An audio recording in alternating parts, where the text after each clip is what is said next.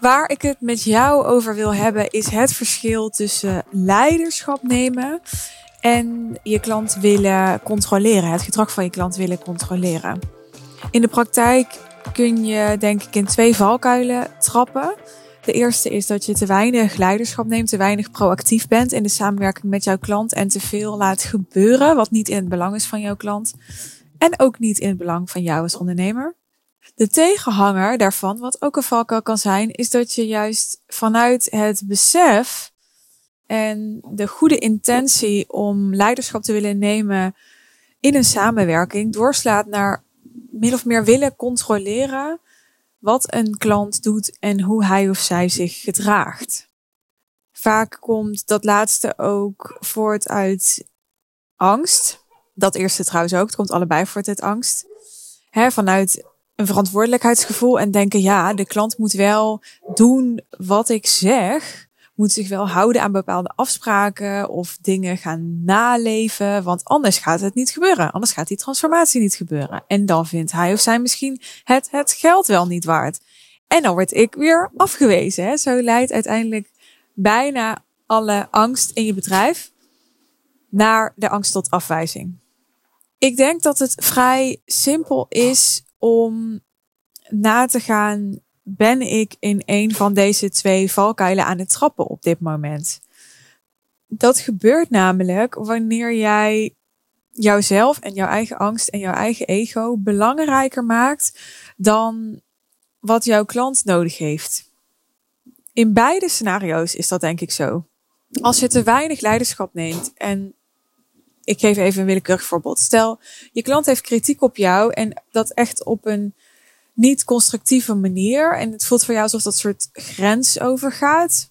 En jij zegt daar niks van, omdat je bang bent dat het escaleert of dat je klant dan nog meer, als die dat al zou doen of als jij er al bang voor bent dat hij dat zou doen, negatief over je gaat praten dan maak je dus jouw eigen angst en jouw eigen reputatie en de consequentie die er mogelijk voor jou aan vastzit wanneer je je klant confronteert.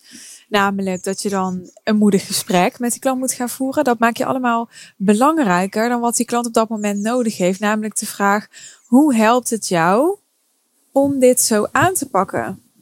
Hoe draagt dit bij aan jouw resultaat? Of hoe draagt dit bij aan jouw proces? Hè, wat wil jij hiermee bereiken? Of geloof jij dat dit voor jou helpend is?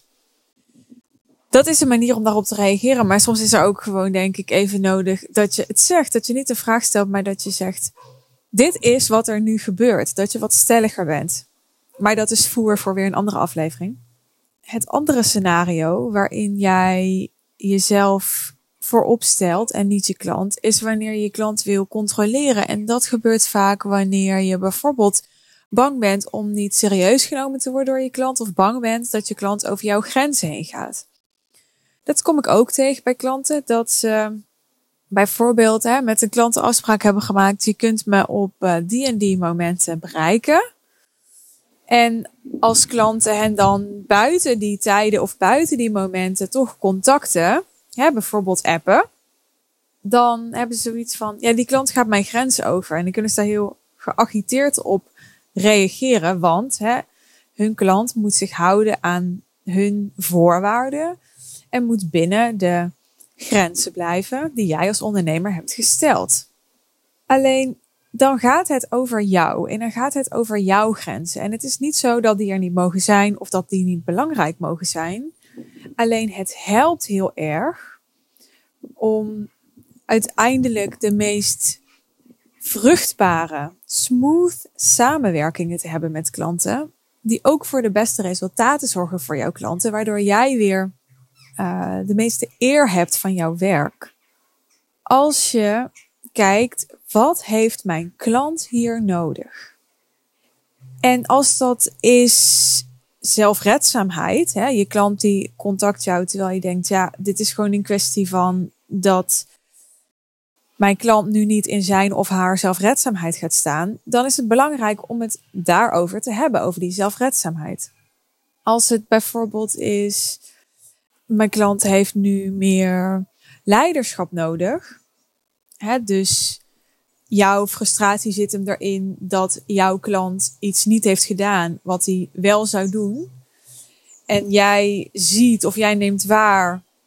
Het is trouwens goed om daar eerst een gesprek over te hebben voordat je daar al te snel conclusies over trekt. Maar in ieder geval, jouw idee is dat dat ermee te maken heeft dat jouw klant zich nog laat leiden door de waan van de dag en nog andere zijn of haar agenda laat bepalen.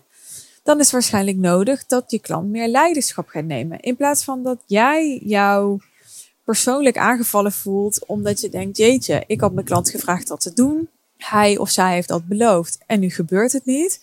Zet jouw eigen frustratie even in de koelkast. Hè, want jij bent er voor jouw klant, jij bent dienstbaar voor jouw klant en kijk, wat heeft mijn klant nu nodig? Dit is de beste manier om te voorkomen dat je in een van de twee valkuilen stapt waarbij je of te weinig leiderschap neemt of te veel wilt controleren. Daarbij is dus de realisatie, het besef, het bewustzijn goed dat beiden, zowel te weinig leiderschap nemen als te veel willen controleren, voortkomen uit jouw eigen angst. Dus als je je klant dan gegeven hebt wat je denkt dat hij of zij nodig heeft, dan is het goed om bij jezelf na te gaan. Waar ben ik nou bang voor? En hoe kwam ik nou in deze situatie terecht? En waarom wilde ik in deze valkuil trappen? Of waarom ben ik erin getrapt?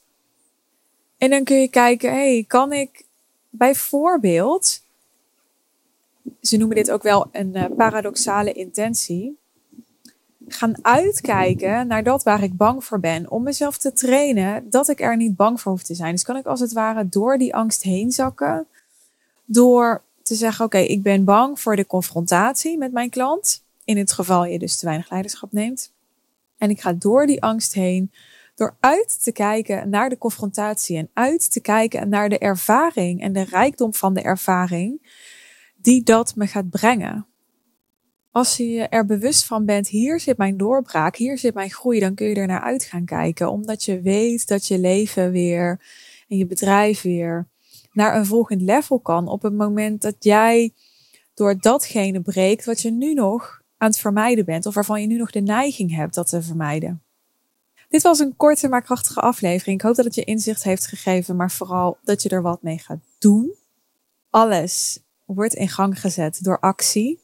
Dus koppel hier voor jezelf een actiepunt aan, is mijn advies. En heb je daar hulp bij nodig, bij welke actie jij te nemen hebt, wat jouw strategie moet zijn? Je mag me natuurlijk contacten. Je kunt je call boeken via de link in de omschrijving bij deze podcastaflevering. Je mag me ook DM'en op Instagram als je dat fijn vindt en nog even wilt chatten over dit onderwerp. Wie weet spreken we elkaar dan binnenkort.